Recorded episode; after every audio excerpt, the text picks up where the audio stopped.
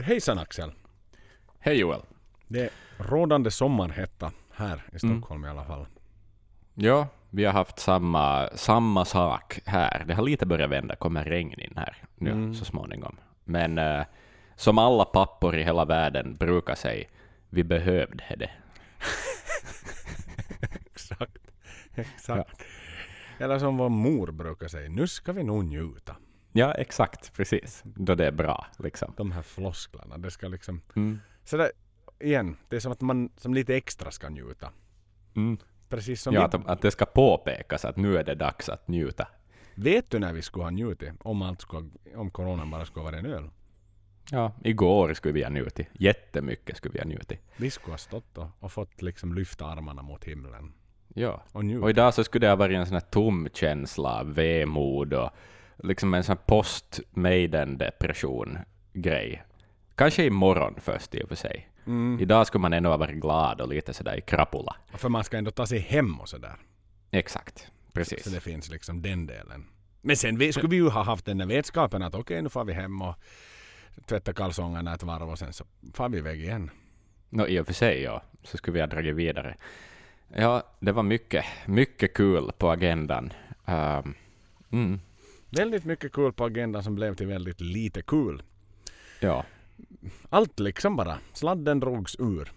Mm. Mitt under pågående film. När man sitter på, på bio. Men exakt. Vad gör Keanu Reeves till näst? Vi får aldrig veta. nej, nej.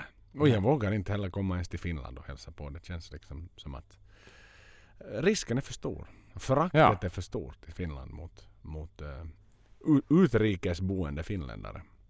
Ja, nu är det så. Alltså, nu är det ju... Jag ser det nästan lite som en...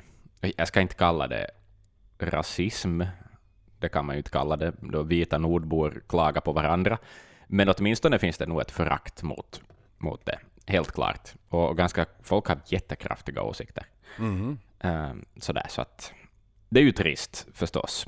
Det är ja, det. men det är bara så du eh, läser på, på, um, liksom, på internet. på liksom. internet så läser du kommentarerna. Folk Ja. vill ju inte ha dit mig. Jag är inte Nej. önskad i mitt hemland. Nej, inte i alla fall av trollen som skriver, kommenterar anonymt på eh, artiklar. Men, eh, men ja. Ja, Jag Men, känner mig eh, som Blaze Bailey 1998-1999. Jag var inte längre... Jag var persona non grata. mm. no, faktiskt. Faktiskt lite så. Där gick han Ja. och smodde, sm- smed sina planer om, om hans tredje album med Maiden. Mm. Och var ju liksom Men eh, de andra visste annat, ja. Exakt, och så stängde man dörren framför hans näsa. Så nu får jag Mm. också precis som Blaze för att hitta på någonting annat med min semester den här gången. Mm. Så att, eh, men vad fan. Det är en, det är en, en tid som, som bara, bara tar och inte alls ger. Så då Nej. får man, får man försöka, försöka göra det bästa av situationen. Ja, vi hade ju storslagna planer. Vi skulle ha en livepodd här nu. Mm, det skulle vi ha. Vi Men, kanske ändå kan hitta på något. Nej. Någonting i något skede. Men allt skrotas, allt grusas. Igår hade vi fått liksom bara igen. Vi hade fått vara, jag vill bara en stund. För jag hade så mycket Mm. inom mig. Alltså vi hade suttit, var det nu sen hade blivit så slutligen eftersom vi gav upp letande då ganska snabbt. I och med att det klargjordes att Maiden inte längre spelar där.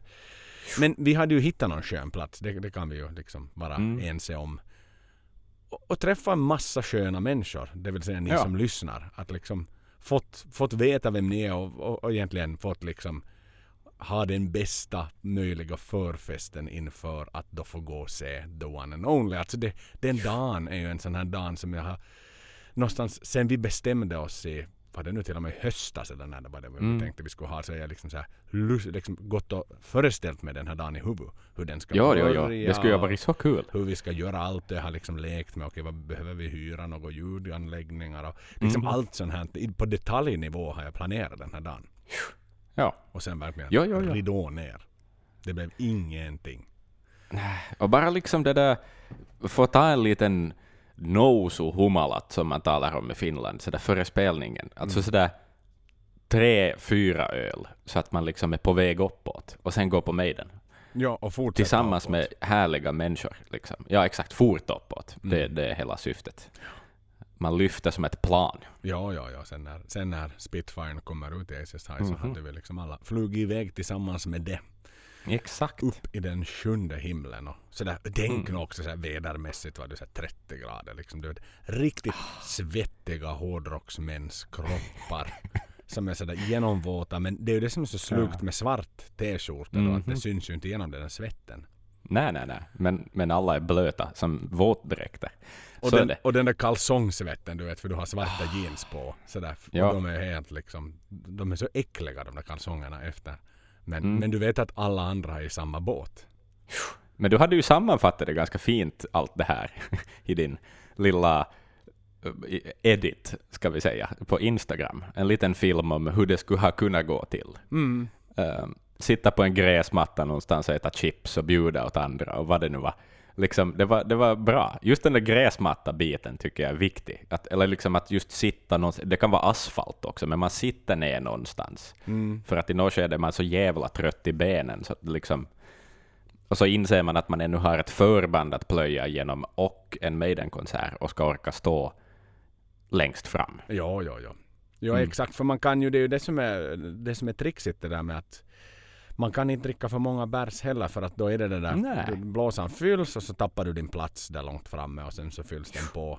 Så det är ju alltid det där knivigt man vill stå längst framme samtidigt vill man liksom inte Nej men precis som när vi var på, på, på Legacy här, här i Helsingfors då när vi fick First Mm. to the Barrier. Då var det ju någonstans det här med att vi, vi släpptes in en halvtimme tidigare. Då hade vi Mm. tillgång till en bar eh, på Hartwall Arena som var öppen bara för oss då liksom. Mm. Och så kom de och sa att hej nu måste ni gå, eller nu får ni gå till era platser för nu släpper vi in de andra också. Och då Just det. sökte vi oss naturligtvis alla. Men då var det ju så att man, man, man tog några par snabba snabba småjärn så, där, så att man inte skulle bli, bli ja, ja, ja. trängd i blåsan men ändå få lite en sån här skjuts uppåt. Men då stod vi ju Precis. Soundchecken och vi stod igenom eh, förbandet och sådär. Så, så det var en väldigt lång, lång, lång väntan. Och, och lite Mm. för bekväm är jag väl nog kanske min, min ålder nu att jag sådär varenda gång. Man vill ju gå och ta en öl. Man vill ju liksom Ja, ja, ja. lite sådär Exakt. mingla med, mingla med sällskapet också som finns. Som vår mor säger, nu ska vi nog njuta. exakt, exakt. Så det är ju en balansgång det där med hur mycket man vill så att säga njuta av frukterna runt omkring kontra Mm. hur nitiskt man vill stå för att då vara den som står så långt fram Ja, som möjligt. Om Så är det, och det, det är en konstant, ett konstant krig i skallen det där. Mm. Det är ju det. Jo men om För sen efteråt så får man höra, då- ja, men jag, ja precis, exakt. Att man är avundsjuk i efterhand om man liksom missar sin plats vid staketet. Men sen är man avundsjuk lite på de andra om man har hållit sig vid staketet. Mm. Som Så att sen skulle börjar det- komma. Ja, exakt. Och så intalar man sig själv att nej men det var nog värt det att stå vid staketet. Liksom. Mm. Men någonstans, man vill ju ha alltså nu är det ju roligt. Herregud, nu är det ju roligt. Det är ju mig den som står där och du är längst fram i en arena. Ja. Självklart är det kul. Men you know. Alltså i USA var det ju bra. Det var ju väldigt liberalt med. Det var ju inga utskänkningsområden och sådär. Så det liksom en, tog ju bort en del av de här begränsningarna. Mm. En annan idé skulle ju vara att ha en sån jättelång bardisk där längst fram. ja, exakt. Varför serverar de inte bara öl där? Ja, då skulle man och lösa sen problemet. under baren så skulle det finnas pissoarer, eller någon sorts ränna, Jo, jo, jo. dit Exakt. man kan pissa. Som är på det där staketet liksom. Ja, Kravallstaketet då. Det är ju en enkel design. Vem som helst kan slänga ihop det av lite Mm, liksom plaströr och sånt. exakt. Ja men det tycker jag vi ska, ska lösa. Ni hörde det här först.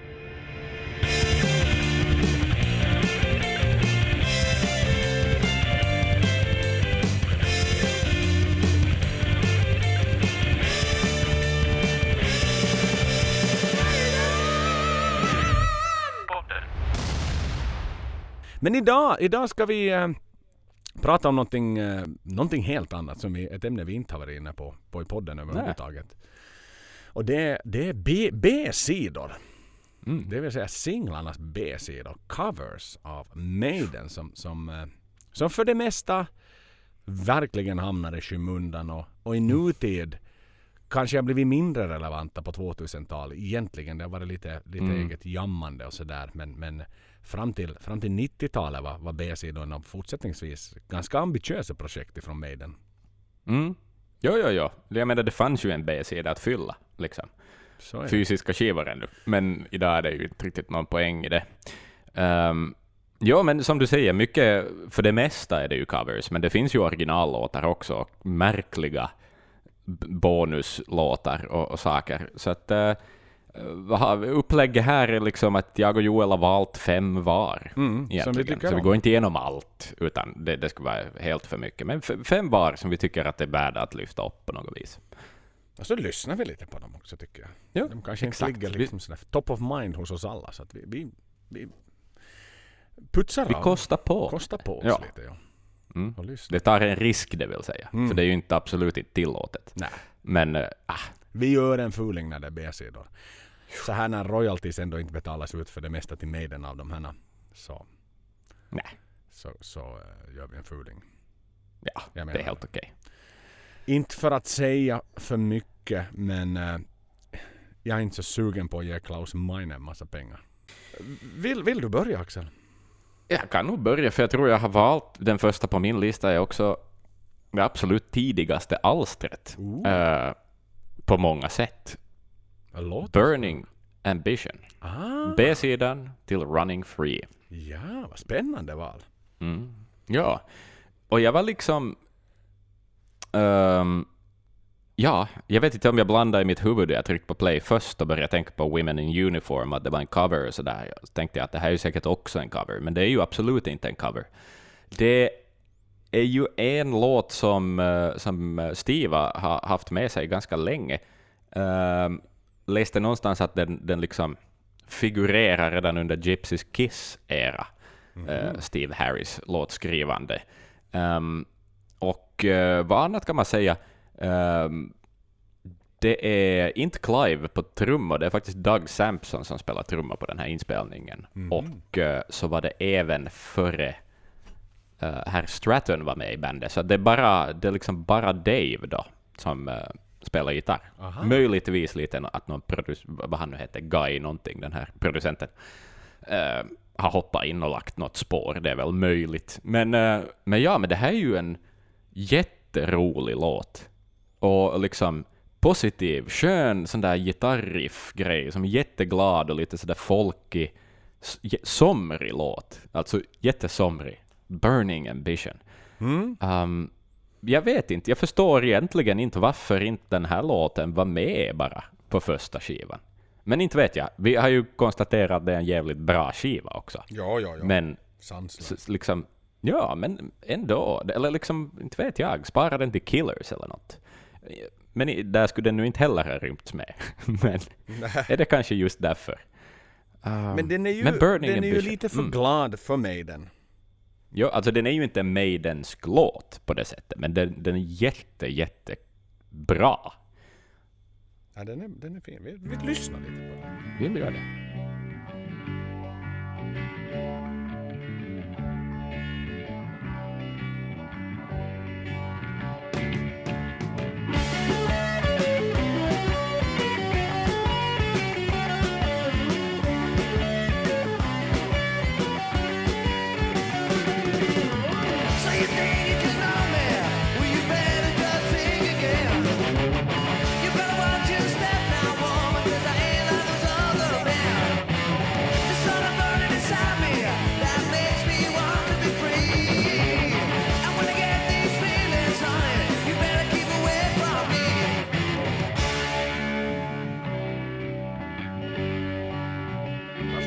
Låt alltså. Mhm, Man mhm. kan inte säga annat. Den är, den är, den är glad och skön. Så långt ifrån metal som det bara kan vara. Jo, jo, jo, det är knappt punk liksom. Mm. Jag vet inte vad det är Nej. riktigt. Alltså, men den är, den är väldigt bra. Den åkte rakt in på min sommarspellista för den här sommaren. Nice. Men ren och skär, ren och skär rockmusik. Ja, exakt. Det är en rocklåt. Mm. Och Paul sjunger och levererar den bra också. Ja, förstås, förstås. Förstås gör han det. Mm. Nej, inte vet jag. jag. Det här är en sån där... Det här är en sån där deep cut som, som man vill ha, liksom. På något vis. Den har Ehm. något speciellt i sig. Exakt, precis. Det, liksom mycket, det finns mycket skräp som har hamnat på B-sidor längs med åren, men det här hör inte till det. Nej, nej, nej absolut inte. Den, den finns med även på min lista. Även om Mhm. jag inte fick välja dubbletter denna gång. Nej. Något mer om den eller?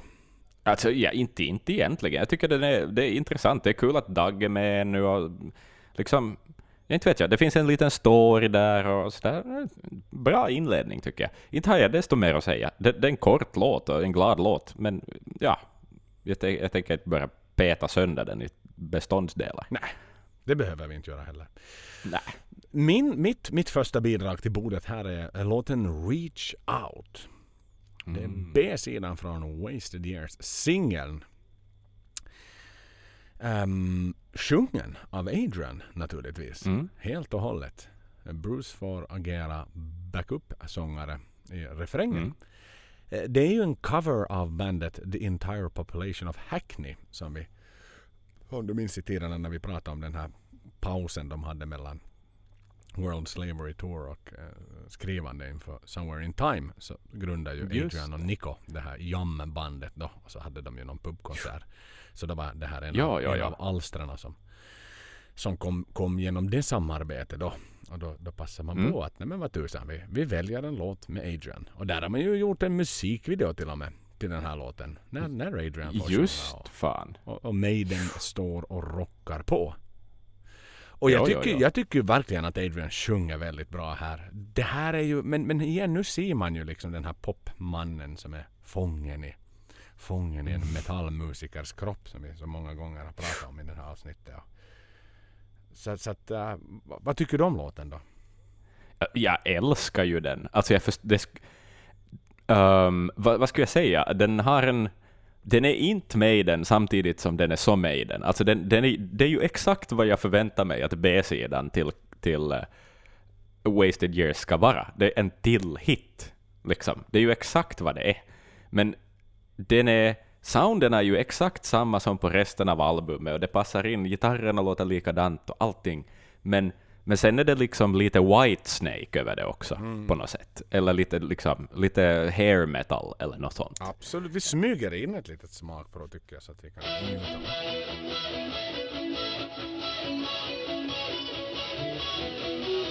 It's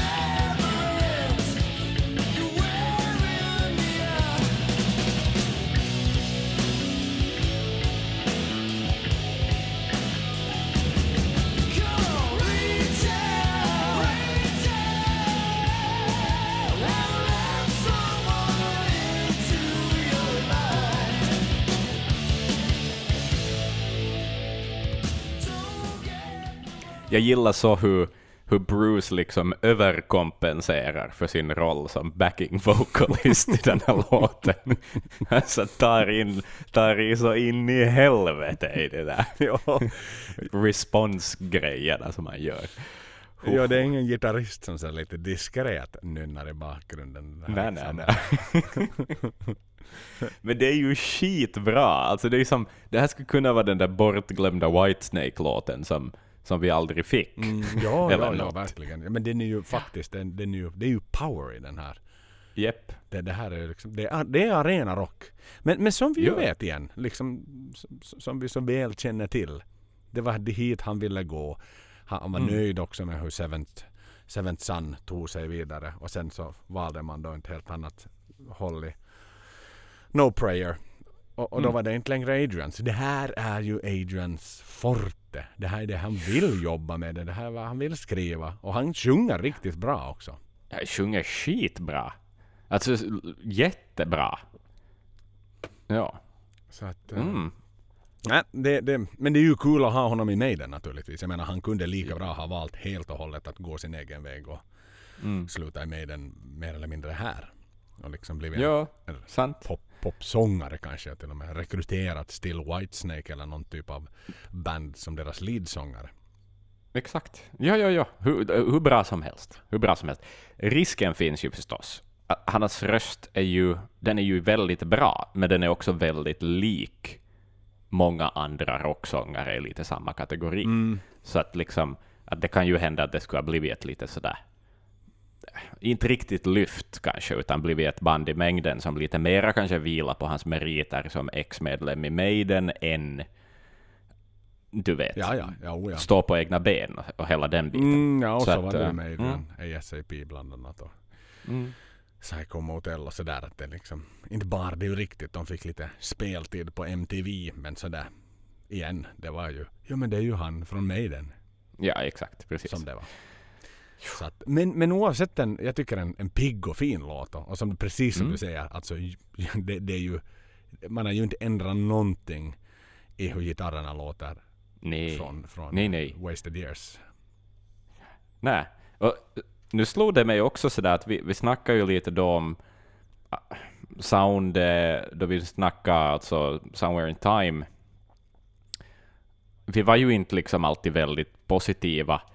eh, men, men nu då jag hör den här låten som en sån där pophit alla Whitesnake på mitten av 80-talet, så älskar jag ju den här produktionen. Här, i den här låten, gör sig den här produktionen sig helt till rätta. Liksom, här låter det exakt som det borde. Den här låten, liksom. Jo, jo, det det, gör det. Men, men problematiken här är ju att de, de låtarna på, på skivan så är ju betydligt mycket tyngre. Och det är där Ja. den här tyngden försvinner. Man spelar Mm. tung musik men med, med, med en poppig produktion. Precis, exakt. Det är det man egentligen gör på, på Somewhere in Time-skivan. Ja, och då ja, ja, ja. med väldigt, väldigt mycket uh, guitar synthesizers till exempel. Som, Mm. som verkligen liksom Mm. äter upp en så stor del av kakan. Precis, ja. Eh, Ja, inte vet jag. Eh, Ska vi hoppa raskt vidare till definitivt. nästa contender? Okej, nu har jag en skummis på min lista här. Jaha. Ehm, en låt som heter Black Bart Blues. Det var B-sidan, väl en av B-sidorna tror jag, till eh, Can I Play With Madness-singeln. Ehm, pff, vi kan ju sätta på, vi, vi kan börja med att lyssna på den lite, så, så kan jag redogöra sen.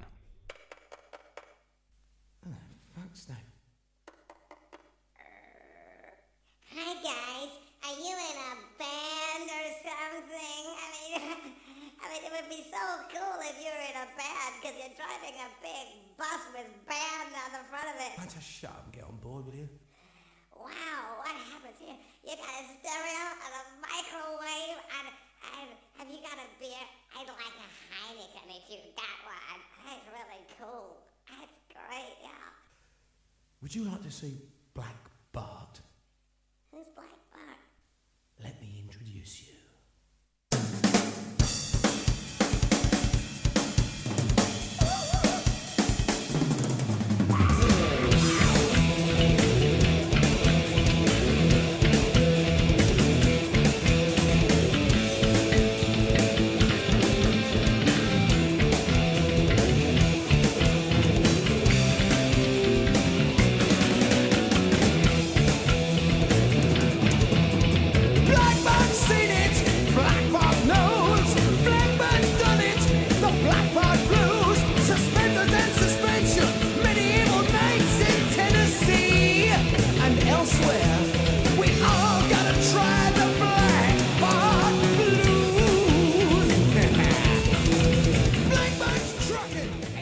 Vilket intro!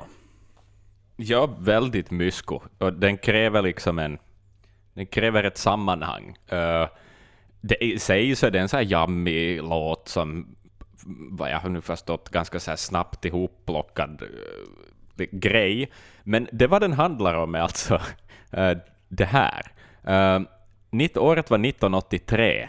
Uh, Bruce Dickinson ska ha kört omkring i någon sorts bil i Florida tillsammans med deras tourmanager då och kört förbi en bensinmack där det stod rustningar utanför. Och så stod det att de var till salu. så Bruce skrek stopp, den ska jag ha. och det där. Och så förhandlade han och det var tydligen väldigt, väldigt, den rustning han då landade för var väldigt, väldigt billig. Och ge- Lukrativ och liksom helt- affär. ja, men det var helt ihopsvetsad. Alltså det gick liksom inte att sätta på sig den, utan det var mer som ett monument än vad det var en rustning. Men det bara ökade köplusten tydligen hos Bruce för, den, för, att, för att den var så tacky. Och eh, de tog helt enkelt in den rustningen som de döpte till Black Bart eh, in på, eh, på turnébussen och den fick sova i, i någon sorts bädd då längst bak i bussen. Eh, i- som jag förstår det mer eller mindre åt upp alltså Bruces säng. Ehm, men, men det var låten då handlar om vad annat hände då längst bak i turnébussen på en turné med 20-någonting-åriga nyblivna rockstjärnor i USA. Jo, folk har sex förstås och sånt.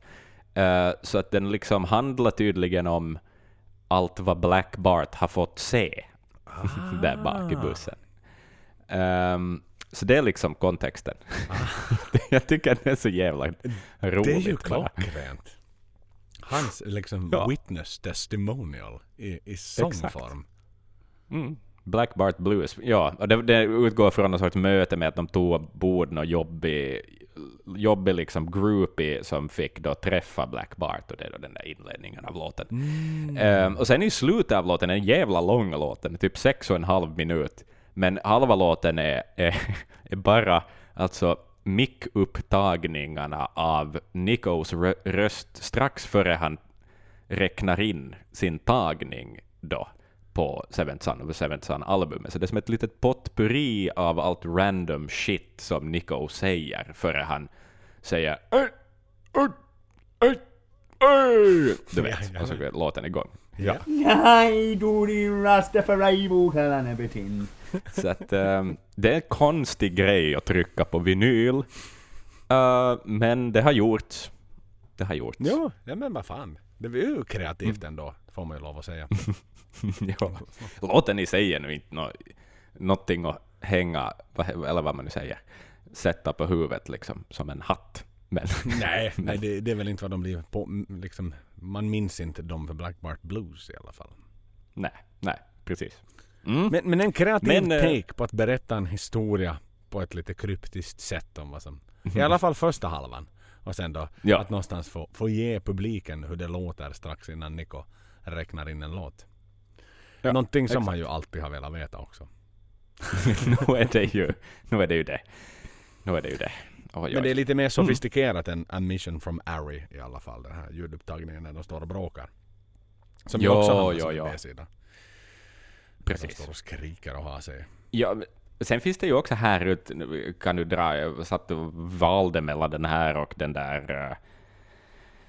de skrev någon låt till Rod också. Sheriff of Huddersfield tänker du på? Yes, exakt, då han skulle ha flyttat då till Hollywood Hills från, från England till, till Amerika, så att säga. Ehm, och sådär, någon sorts diss-track kring hans livsval. Ehm, men ja, mycket brittisk humor är det här i alla fall. Väldigt sådär, det är någonting Spinal Tapskt över det, Mm. tycker jag. Ja, ja, verkligen. verkligen. Ja, Men det var ju, de var, de var stora och de var etablerade och de kunde ta sig tid. Och än en gång, det är en B-sida som ska fyllas med material. Exakt, precis. Så då kan man göra eget material eller göra en cover. Exempelvis. Mm. I det här fallet då, min nästa låt som jag har valt så är en, en cover och inte av vem som helst utan av Led Zeppelin. Från deras Mm. debutalbum från 1969. Det handlar alltså om B-sidan från Bring Your Daughter to the Slaughter. Eller den andra Mm. B-sidan. För den första är som bekant Freeze I'm a Mover som jag tror att vi hade i någon av våra quizar. Men eh, man har vågat sig på att göra Led Zeppelin. Och man har vågat sig på att göra Mm. Led Zeppelin på, på 90-tal. Eh, det är ju lite unikt i sitt slag. En låt som är, mm, no, den är ju liksom 20 år, 20 år gammal. För den är ju från debutalbumet. Och Mm. någonstans Zeppelin är ju i min värld lite en sån här man rör inte dem sådär bara. Nej, det gör man nog inte. Verkligen inte. Eh, det är nog den kategorins band. Det är nog nästan bara Zeppelin som gör Zeppelin bra. Eh, sen finns det ju alla möjliga band som låter exakt som Led Zeppelin senare, men ja. Men vad tycker du då? Ska vi lyssna lite Det först? tycker jag vi gör.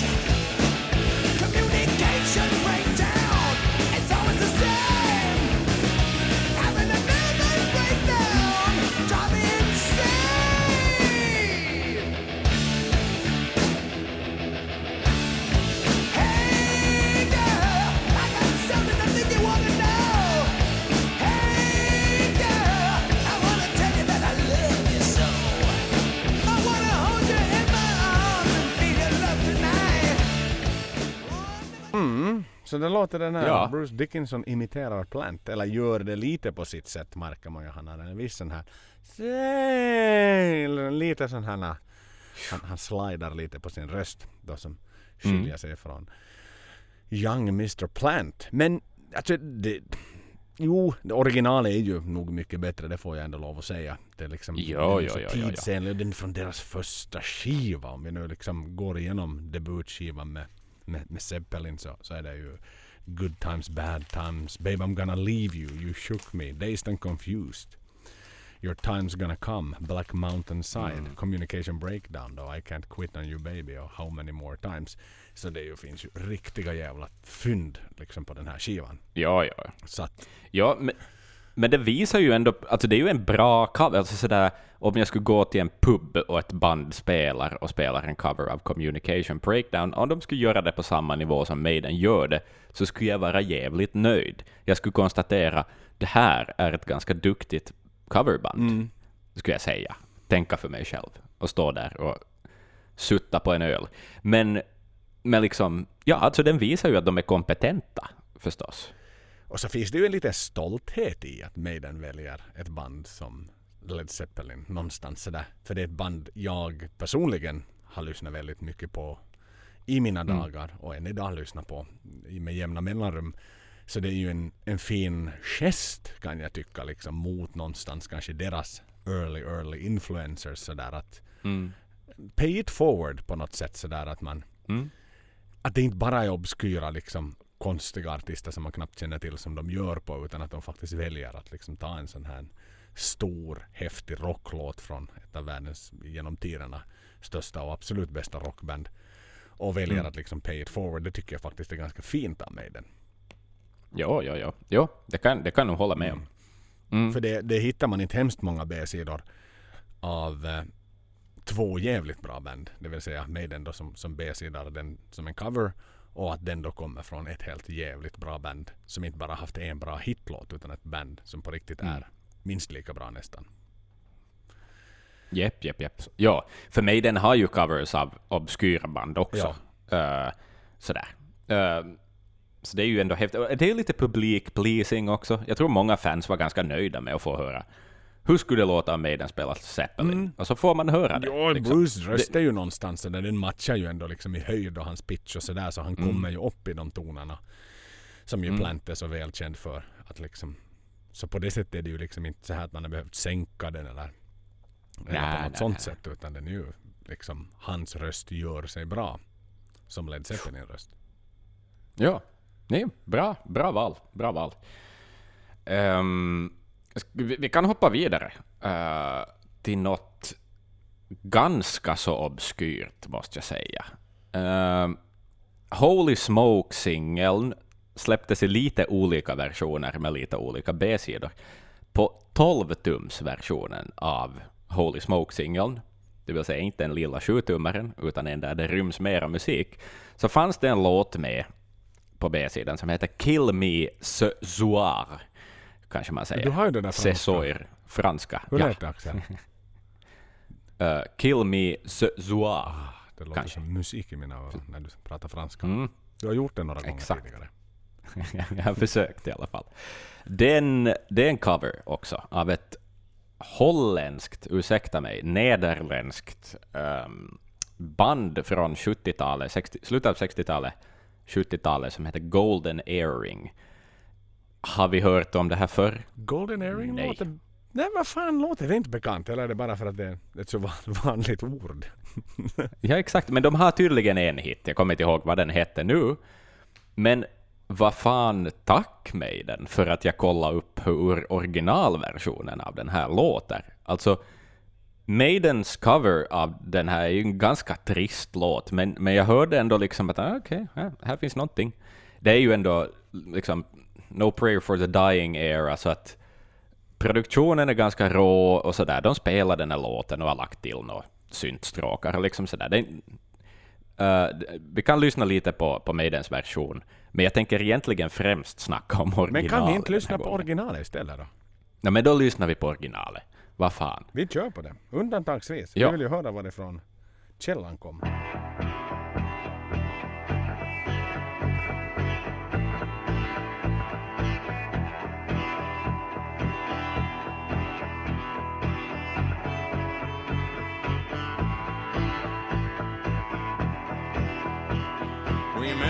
That song called Kill Me from Victims Last LP. Too much of a risk for a golden disc. The price he paid for money. Ce soir, ce soir. Assassination d'un roll star ce soir, ce soir. Assassination d'un rock'n'roll star.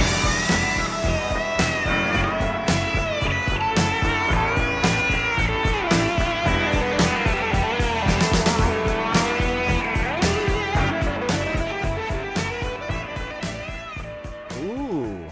Fan den här är ju så skön Mm. som den här skulle kunna vara signaturlåten till nya True Detective-säsongen. Ja, exakt, precis. Den har någon sån kvalitet och, och just det var någon som skrev på Youtube sådär att det här låter som Doors fast hårdare eller något. Och liksom, jag har en sån där, jag hade en period där jag var typ 19 så lyssnade jag jättemycket på så här, det som kanske i efterhand kallas för typ art rock och sånt. Alltså sådär David Bowie, Roxy Music, ett band som heter Sparks som eh, hör till, eh, vet jag, eh, Kurt Cobains favoritband, bland annat. Väldigt så här, mystiska rockband med konstiga grejer going on.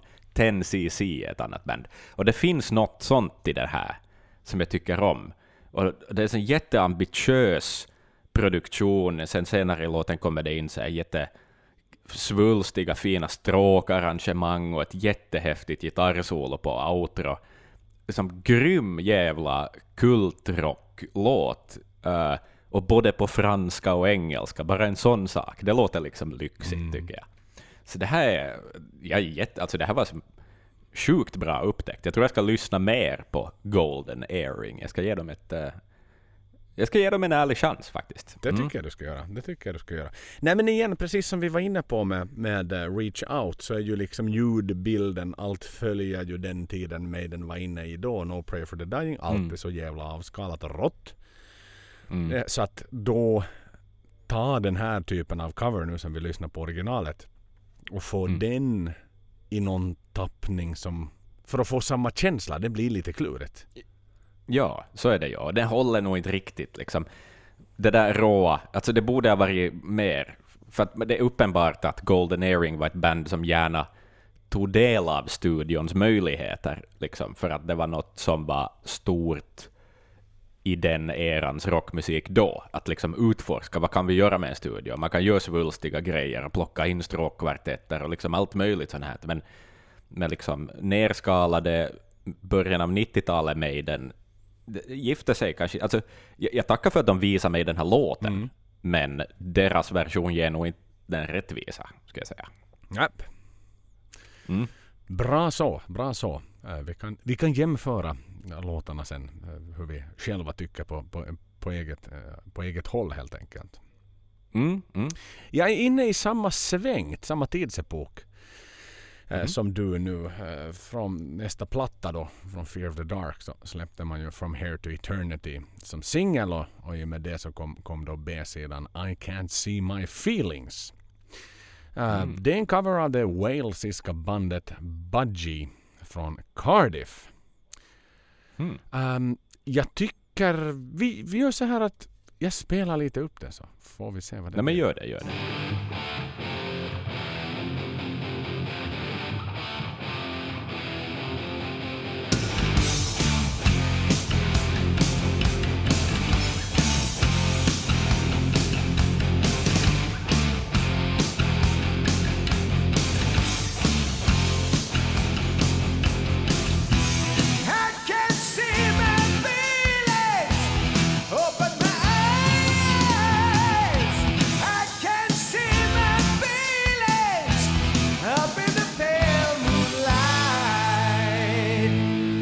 Hör så låter det ju extremt Fear of the Darskt. Ja, faktiskt. Faktiskt, ja. Så här? Det, men det där är inte ett riff som Maiden skulle skriva. Nej, nej det är det absolut inte. Det är det absolut. Det, den, den är gången. Men ett- coolt riff. Nej, det, det skulle Steve aldrig få ur sig. Men eh, de, de är ett gammalt band från, från eh, 70-talet. De här Buddle Budgie, förlåt. Så att eh, väldigt, de var liksom väldigt tunga för sin tid, hade sagts. Ah. Det Ah. jag lite lyssnade och jag lite läste om dem här. Så att eh, de skulle egentligen passa in på New Wave of British Heavy Metal-eran sådär rent liksom stilmässigt. Men de gjorde det tio år före New Wave of British Heavy Metal kom till. Så egentligen så här, the Ah. real inventor of, of eh, ty- tyngre typ av brittisk Precis. hårdrock då, även om det var walesisk i det här fallet. Mm. Så det är ju lite spännande. Men, men verkligen liksom äh, det, det är en fin, fin, fint komplement till uh, Hair to Eternity-låten kan jag tycka. Ja, ja, ja. Och överlag också, nå där igen, som lyfta upp ett, ett sånt där pionjärband. Det är ju skitfint av Maiden. Ändå sådär liksom lite diskret på en B-sida, men ändå liksom pay their respects till, till de som eh, så att säga la stenarna för den väg som skulle komma att bli New Wave of British Heavy Metal. På tal om B-sideval, är det bolaget som bestämmer det eller är det bandet som bestämmer det? Eller hur, hur, hur funkar Mm. sånt? Nå, med tanke på återigen den där eh, Sheriff of, eh, vad den nu hette, som vi inte har pratat om i det här avsnittet, men ändå gör. Men att de höll det som en hemlis för Rod så pass länge så att han liksom inte typ kände till att den var gjord förrän skivan var tryckt. Så, så känner jag ju lite på mig att det kanske finns ganska mycket friheter inom bandet. Hördu Axel, vi måste ju för Mm, fan ta den. Det är ju liksom skam. Och- men vet skam du, okej, och på torra okej då, då. Vi gör det nu en, då. Som en ren och skär bonus. Ja.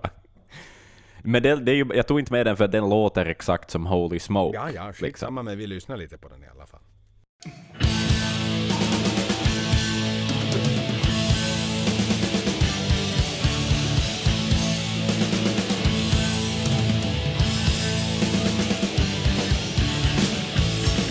Don't think it's very bloody funny at all. Do you know what you're laughing about?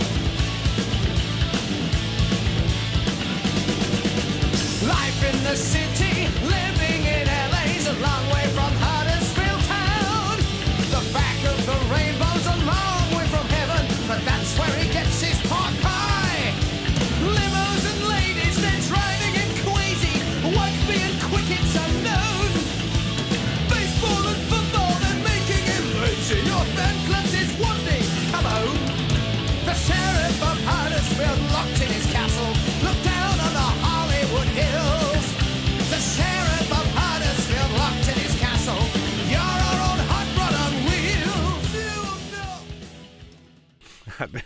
Vilken jävla dissning det är.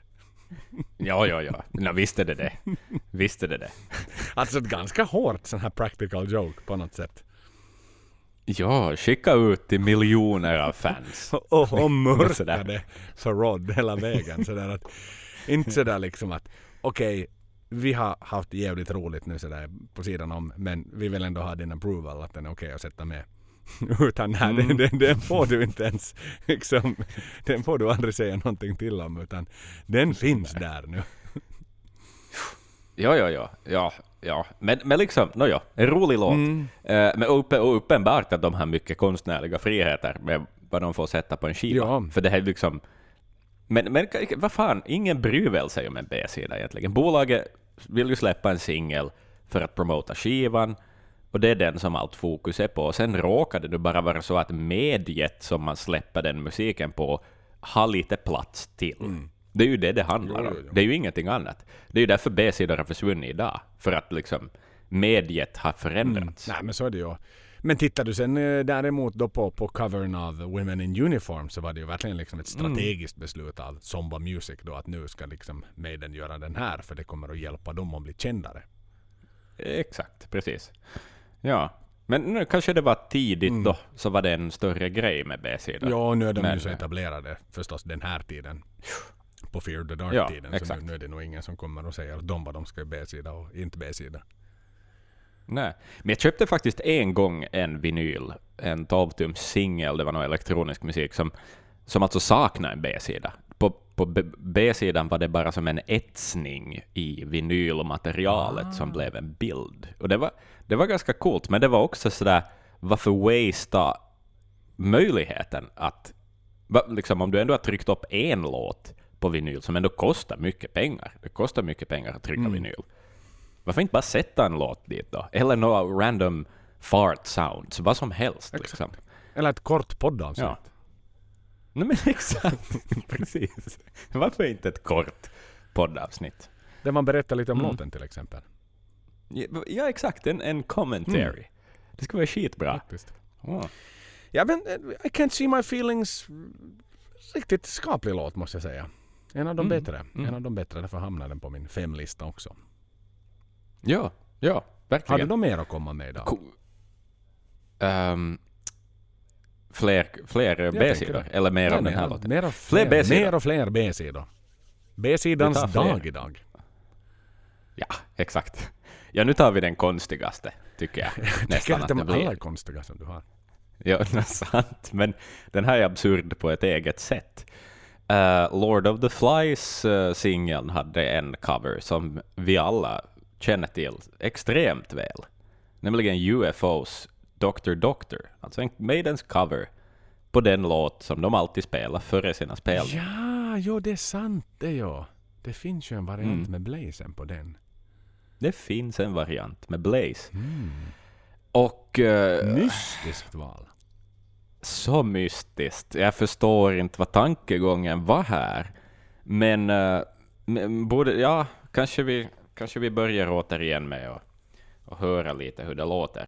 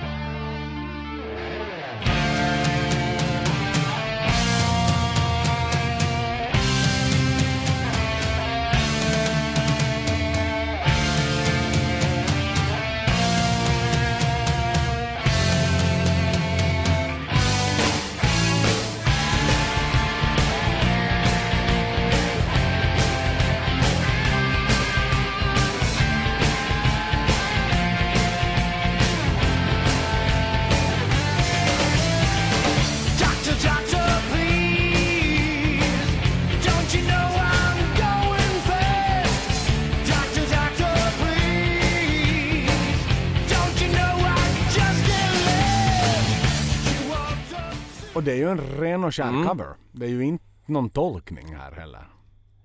Nej, nej, inga märkvärdigheter. Låter lite pub-coverband någonstans. Men jag Alltså, blev ju så taggad när du spelade för då var det så här plötsligt så... Så fick jag den där känslan igen att vad jag borde ha varit igår. Ja, nej men exakt, visst är det. Men vi fick den där lite sämre versionen också. Men de är inte så självgoda som de har bytt sen. Till sin egen. Nej. Tänk om de skulle ha gjort det. Nej, det är... Nej, det vad hade konstigt det skulle vara. Men det är ju som så, jag vet, alltså, mm, det där intro med den där någon sorts Rhodes keyboard som, som uppenbarligen kommer från samma den här högstadiemusikklass-synten som Steve har haft. Eh, för det är inte ett väldigt bra Rhodes piano-sound alltså. Det är liksom, det är jättesamplat, otroligt dåligt. Eh, och konstigt också, det här är ju som mitten av 90-talet typ.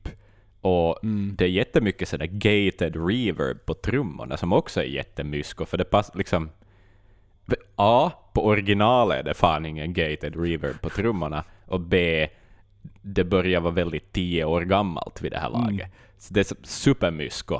Um, jag, jag, och tempo är lite för lågt, den har inte samma, den där härliga gunget som UFOs version har. För UFO, UFOs shuffle i den är liksom, det bara svänger. Det är sjukt tight. Men här är det, det är inte samma, det släpar lite på något vis. Mm. Men man får ju höra Blaze lite i alla fall. Ja, och han gör helt, helt bra ifrån sig. Liksom. Han, sjunger, han sjunger bra med Blaze röst. Mm. Liksom. Nej men det, det tycker jag han gör. Mm. Hans... Men det saknar bett. Den, den är tam bara. Alltså låten i sig, liksom, deras covern helt Ja, enkelt. ja, ja, ja. Nej, men det, det får Mm. vi leva med.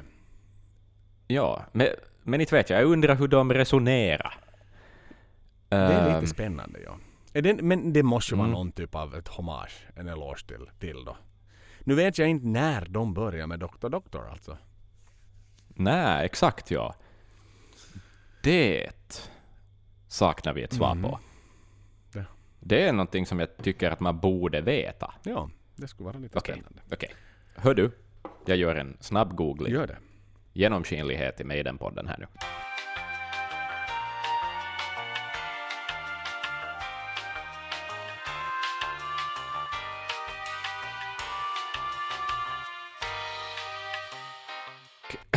Ja, efter eh, sju minuters ihärdigt googlande så kan vi konstatera att vi inte har ett svar på den här frågan. Ehm, det närmaste jag kom var att man i början av 80-talet hade Ides of March som introtape, så i alla fall kan vi rule out att det var med redan då. Men eh, sen vet jag inte. 2000-talet kanske, gissar jag spontant. Mm. Det, det, det är en gissning. Vi ja. sätter ut frågan till er där ute som var med. Som har varit med så länge. När, när minns ni att Maidens, eller UFOs Dr. Doctor för första gången löd? Som den sista Mm. interludlåten från PA-systemet innan Maiden tog över. Ja, Kontakta oss gärna med svaret. mm. hemskt gärna. Hemskt gärna. Spännande sak. Så kungör vi det i nästa avsnitt. Super! Men nu tänker jag hoppa över till min låt. Och vi hoppar inte hemskt långt heller den här gången utan vi håller oss kvar med Blaze. Och vi, vi, vi tar en så pass välbekant låt som My Generation. Som då figurerade som en B-sida på Virus som ju då officiellt aldrig släpptes på något album utan ligger även den som en helt är alldeles egen singel. Eh, The Who naturligtvis. Ehm, jag skulle säga så här, det som jag tycker mest om i den här låten är att man får höra ett bassolo av Steve. Äntligen! Som vi har väntat. det har vi. Jag tycker vi börjar med att lyssna på det. Ja. Bum, bukata, bum, bukata, bum. Uh. Tänk det med Steves fingrar. Hur ska det här låta?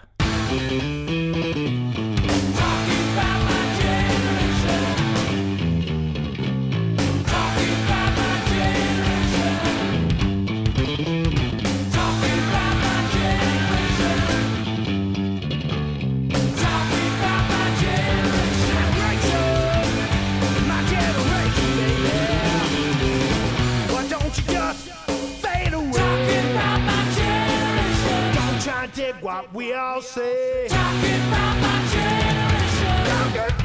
big sensation. Talking about my generation. Talking about my generation. Talking about my generation. My generation. My generation, baby. My generation, baby. Se där. Steves Mm. flinka snabba fingrar. I all ensamhet för en gångs skull. Tänk. Mm. Ja, jo, i och för sig, de har ju varit med i lite obskyra intron på X-Factor bland annat. Men, Ja, ja men, okej, eh, sant. men sådär i en solodel på en välkänd låt där Mm. du förväntar dig hur, där du vet hur det ska låta. Så är det ju kul Precis. att liksom se Steve anta utmaningen. Men jag kan ju verkligen, jag kan tycka här och jag vill, vill liksom framhäva det här att man hör så klart och tydligt Blaze och, och man hör att han är så mycket mer hemma. Både den här och, och i Dr. Doctor egentligen. Att, att det är lite Mm. med det här skitiga rockträsket som han hör hemma i. Snarare med det episka Mm. storslagna metallträsket. Att han, han är så självsäker på sin röst på ett annat sätt här. Och som vi ju lyssnar på när vi lyssnar på hans, hans både hans eh, innan och efter också. Så, så är det ju Mm. mera honom att sjunga ren och skär rock. Än, Ja, än exakt. typen liksom långa episka Seventh Son med Seventh Son-låtar. Precis, ja. ja. Vi talar ju om det där som att det finns ett så här showmanship i hans röst, alltså lite så här David Lee Roth-grej. Och, det- och här är det ju mer av det. Alltså det är ju en underhållande liksom, lead vocal.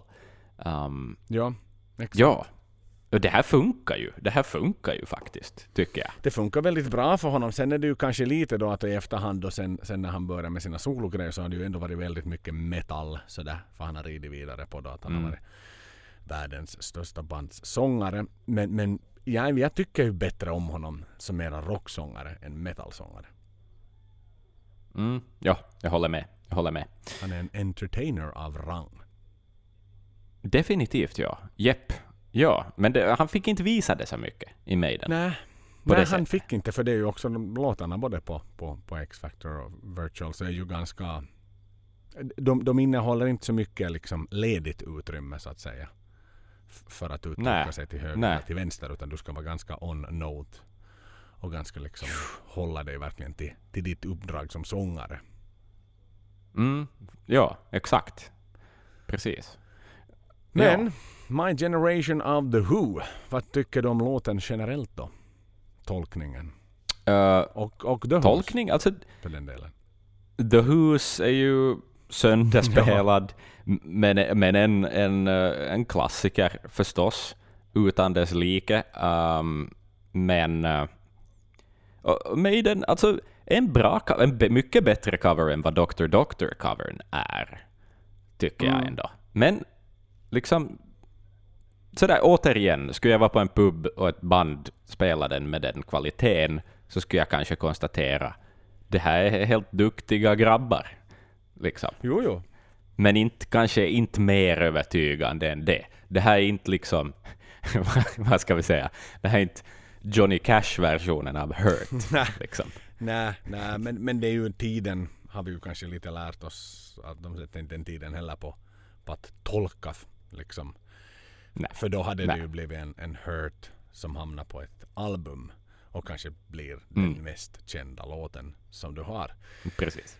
Maiden har ju aldrig liksom beblandat sig och har ju aldrig, aldrig spelat en coverlåt någonsin live heller. Utan alltid håller sig till sitt eget Nej. material på det sättet. Så, det, här, Ja, det är ju sant. verkligen i ren och skär bemärkelse i fyllnadsmaterial Ja, precis. som man gjorde. Och så ville man Ja. väl ha lite kul med Blaze då, att man ville ge honom lite lite utrymme att skoja loss då. Även om ju CD-skivan liksom tog över på den, den, den tiden också. Då behövde du nu inte nödvändigtvis ha en B-sida heller på det sättet. För, för det fanns bara en sida på Nej. CD-skivan. Så. Så, så, så. Ja, det är sant. CD-singlar överlag är ett konstigt format. Mm. Det ryms ju lika mycket matsko på single-releasen, men, men att det är lite som en... Det är intressant det här med nog, musikteknologi och musikformat och vad de har gjort åt vad som är möjligt. Att det här är ju bara som en, det är bara som en kvarlämning av vinyltänke som man har flyttat över till CD, som egentligen saknar helt syfte, för att du skulle kunna sätta 70, musik, mu- alltså 70 minuter musik på en CD. men ändå sätter du bara en låt. Exakt. Det är lite märkligt ja. Men sen är Jätte- den ju Ja, med ett billigare, billigare mycket omslag. tunnare. Tunnare, tunnare omslag. och Ja. mycket mera liksom så det gick Precis. sönder lättare. Det var inte liksom premium och bookleten likaså var ju också liksom bara ett Något sånt där flimsigt litet exakt, papper. exakt. Eller sen där i värsta fall så var det bara en sån här kartong eh, pocket som du liksom Just satt- satt ner Precis, ja. Så att, men jo, men då var det ju mera, då var det ju kanske rent och skärt bara ett sätt att, alltså en marknadsföringsteaser och ingenting Mm. annat på kommande skivan. Som singel. Nej, Sådär. precis. Man utnyttjade inte den, den i sitt, sin fulla potential. Mm. Men men, han, han gör ett Ja. ledigt och han gör ett trevligt jobb på, på låten. Men som du sa, väldigt sönderspelad. Ja, så är det. Ehm, jag ska ha en sista då. Jag tror det här... Har du har kvar något? Fler? sista. Men då får du börja. Ooh, spänningen stiger. Så Mm. jag kör en dubbel här. Du, kör en, du får köra en dubbel. Det, det ska tilläggas eh, i ärlighetens namn ska jag säga så här att det här är inte en Maiden-cover utan det här är en Bruce Dickinson-cover. Så att jag Mm. tog mig lite friheten att, eh, att Okej. ändå inkludera den på listan.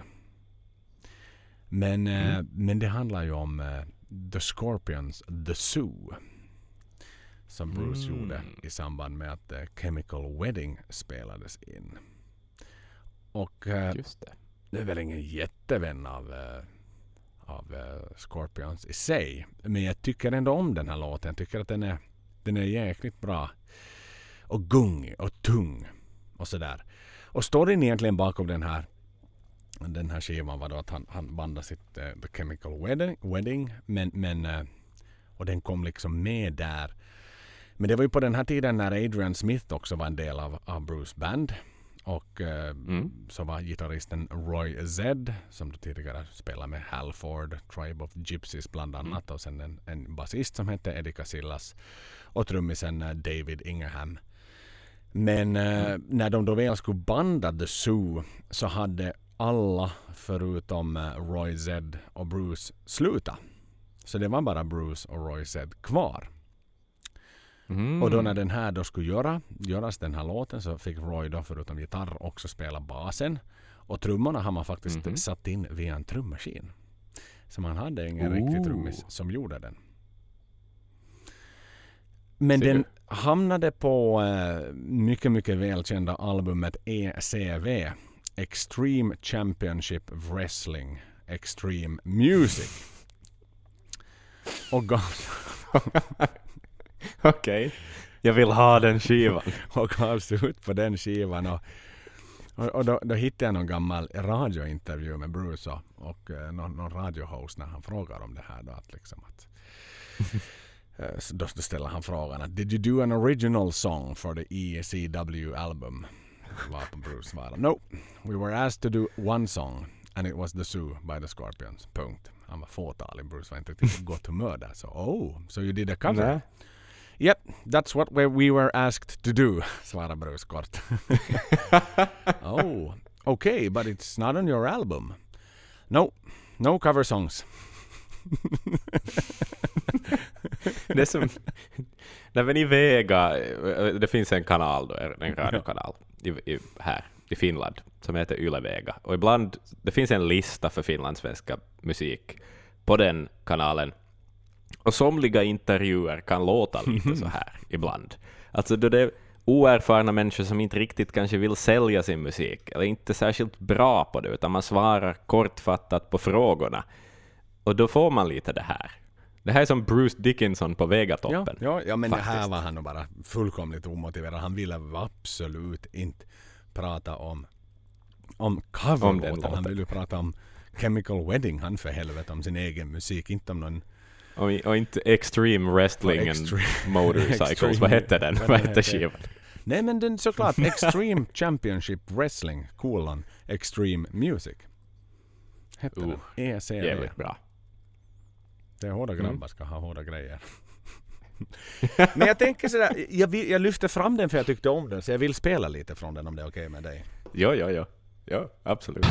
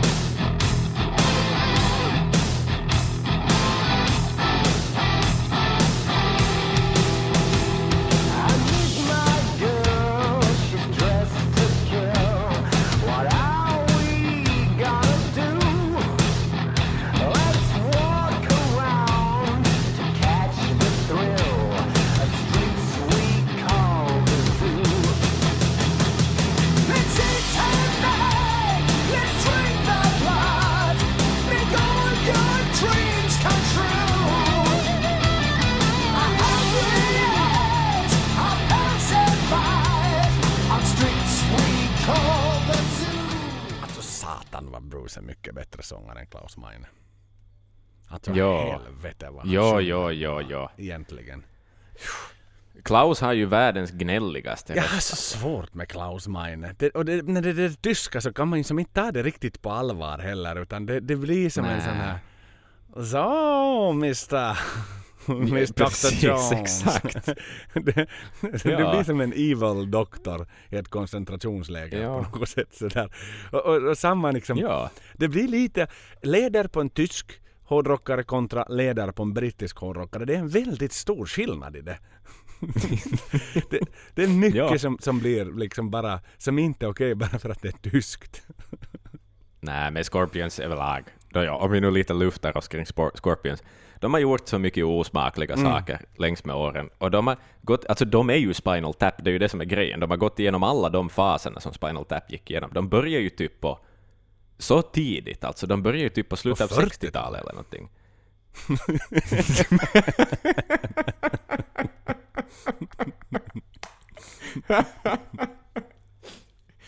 Exakt.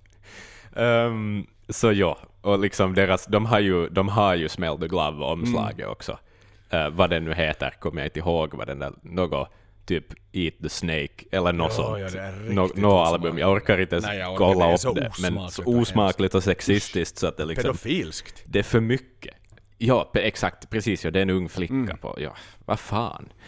Nej, Scorpions, Wind of Change, ah, nej, jag, vet, jag tänker bara finsk festivalsommar och liksom... Rock you like a hurricane! Ja, exakt, precis. Vi har, I och för sig, det är kanske deras bästa låt, för den är som så ljuvligt ballsy och för mycket, fast liksom på ett tackigt sätt så jag kan älska. Men jag slirar in och tittar på sånt här, för nu vill jag lyssna på en någorlunda modern variant av, av Scorpions Zoo då. Så då sitter jag nog sen, Mm. med, sen med modern inspelning. Och de här gubbarna, alltså men det är som så att vet du, blonda, eh, igen jämför Maiden och jämför liksom riktig Mm. hårdrock. Du låter ditt gamla hår växa kvar. Men de ska som, alla ha solglasögon och jättemycket gel i håret och blonderade med Ja. kort hår och såna här, vet du spikes i håret. Alltså de ska se ut som Ja, de ser ut som såna här snuskgubbar riktigt liksom. men Sån här exakt. som- Som H.B. Baxter i Scooter. Jo, jo, jo, men det är någonting med de här tyska Mm. liksom, artisterna när de fyller 50 plus, hur de som så dramatiskt ska se ut som en, inte, inte en 30-åring igen, utan som en 19-åring Nej. igen. Ja, ja, ja, ja. Men uppenbart i en 50-årig Jo, mans jo, jo, kropp. exakt. Liksom, Allt- 50-årig man, hello fellow kids, insert meme, liksom. Eh, Och, och sen där liksom, Ja. så står de med så jättebreda ben och liksom gungar så där liksom på ett, någonstans- ska försöka vara sexiga sätt liksom sådär och Ja. lite för överkaxiga alltså de är, tror att publiken är där lite för mycket för att lyssna på dem medan det visar sig att det nog är en festival Mm. där de nu råkar få en slott sådär men att lite sådär det är ju Mm. oss ni är här för att se på eller hur? Ja, precis, Så att nu tar vi ja. nog ut och, och catwalkar och grejer liksom sådär. Igen liksom, Maiden har inte catwalkar som de traskar ut halvvägs ut i Nej. publikhavet på. De, de skulle aldrig acceptera, hade de velat ha det hade de byggt det för länge sedan men nu har de fattat beslut om Precis. att nej, vi håller oss på scen vi. Vi behöver inte vara där ute och försöka liksom komma liksom med pungsvetten i, i pannan på våra fans. Så som, Nej, men det de gärna får bygga då, är ju den här bardisken slash pissoaren. Mm, jo, jo, jo. Men det, det utesluter ju absolut inte det andra. Sådär, okej. Vill du bygga en catwalk så kan du bygga ut den här bardisken jävligt mycket längre också förvisso. så då kan ju alla få bra liksom traktering samtidigt. så det finns ju för och nackdelar med det också. men jo, men jag tycker om Precis. att så, som sagt nu är det inte ens en Maiden-cover men men igen alltså Nej. bara när, när Bruce tar Mm. ett band som Scorpions i, i, i sin hand, hur, hur han grusar Mm. den här låten alltså. Hur han, hur fullkomligt liksom kör över originalet. Och då det här med en trummaskin Mm.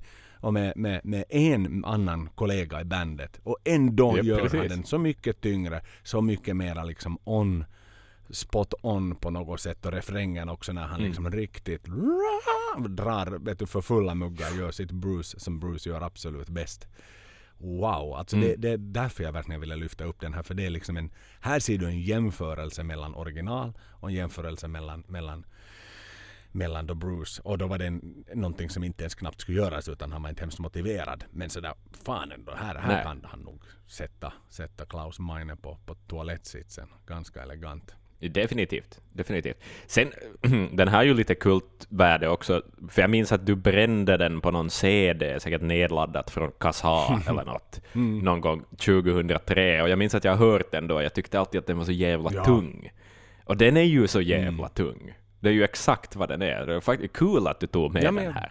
Även om vi lite bändar reglerna, men, men jag, för min del så är det helt fine. Nej men den är bra för den, den är liksom, just i och med den tyngden och, och, och igen, jag ville, ville få en chans att slå, slå Scorpions lite på fingrarna därför att det, Ja, ja, ja.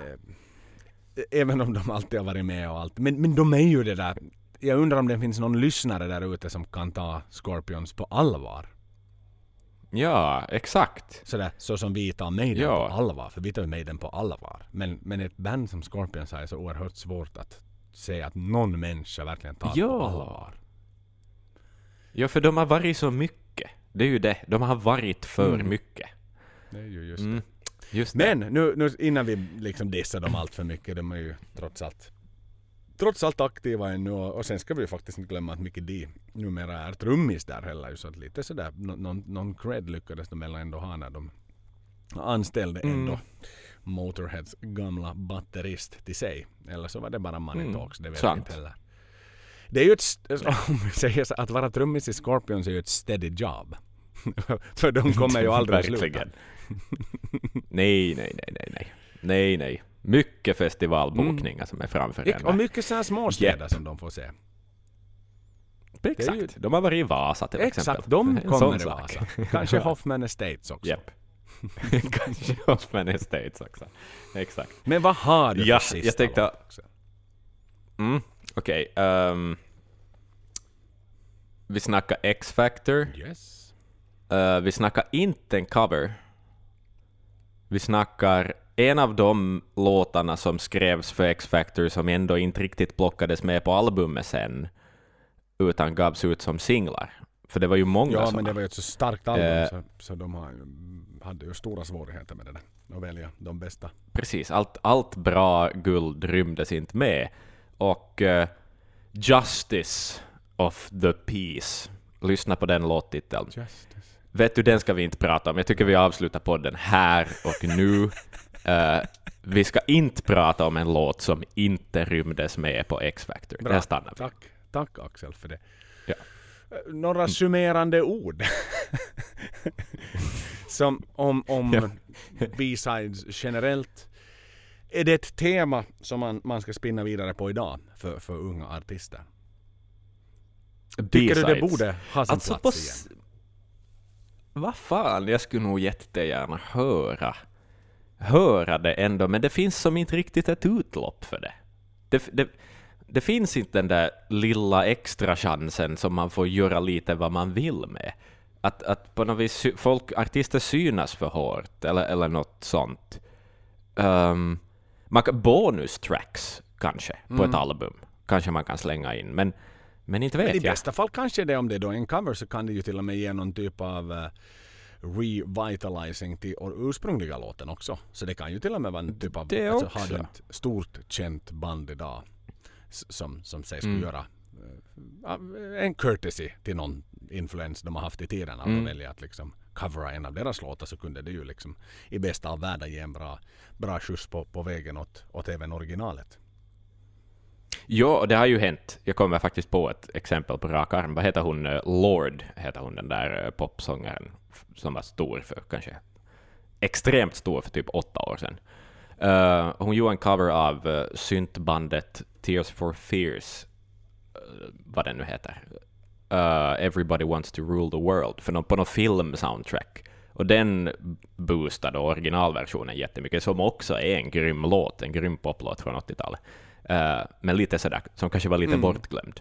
eh, på det sättet. Det finns, Det finns ju sådana möjligheter och det finns ju andra medium också som i filmer. Ta bara sista scenen i Sopranos sista säsong när Journeys Don't Stop Mm. Believing kommer igång. Det var ju då den där singeln som gick upp till toppen när den Japp. gavs ut av Journey back in the days.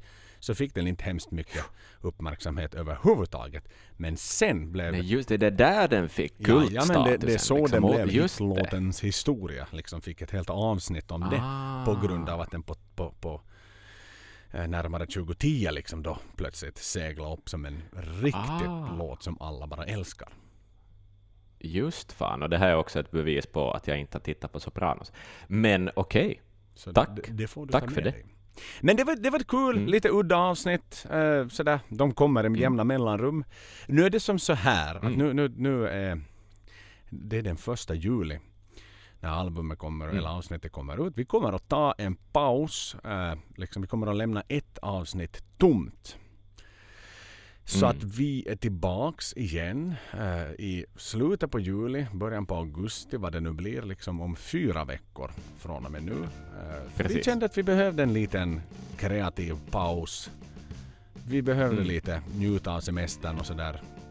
Helt enkelt bara, bara su- koppla bort Koppla bort allt och sura lite för, för, för att vi inte får vara och se på Maiden på riktigt. Så då vill vi sura i Nej, ensamhet och inte liksom plågas av att varenda gång jag ska prata med Axel om Maiden så, så liksom rub it in my face någonstans. Att ja, nu skulle vi Mm. egentligen ha pratat om Polen och nu skulle vi prata om Tjeckien och plocka in lite, lite intervjuer. Då hade jag ju hoppats i Polen att vi skulle träffa den här fanen som är med i Behind the Iron Curtain som säger God damn it's Ja. good. God damn it's good. Tänk om vi hade fått se honom som gammal senior man med rollator nu. Men den Ja. är muschen fortfarande kvar. Och, säga, och, se, och få honom att säga “Listen to Maiden-podden”. God damn, God damn it's good. Det, här, det skulle hade liksom varit mycket större än om Steve hade sagt det. Om vi hade fått Mm. honom den sköna, sköna. Och sen han som vill spela metal med synt. Tänk om vi hade fått träffa honom idag. Ja. Och liksom, han hade fått skicka ett message till Bruce. Att hördu, det går Mm. visst att spela metal med synt. Titta nu idag bara. vi hade fått vara Exakt. messengers. Ja. Så vi håller en liten paus. Spänningen är ju att nästa avsnitt blir ett albumavsnitt. Vi har inte jätte, jätte, jättemånga albumavsnitt kvar så att... Uh, det kan bli något riktigt stort. Mm. Det kan det. Men vi vill önska er en, en skön sommar, skön juli. Eh, Gör vad ni gör och håll er Mm. trygga, håll er säkra. Lyssna på Maiden, lyssna på vad som helst. Lyssna inte på Scorpions om inte ni vill riktigt. Eh, Men ta det, ta det soft. Och med Exakt. Och uh, puss och kram. ja, och up the iron så. Puss Tack och hej.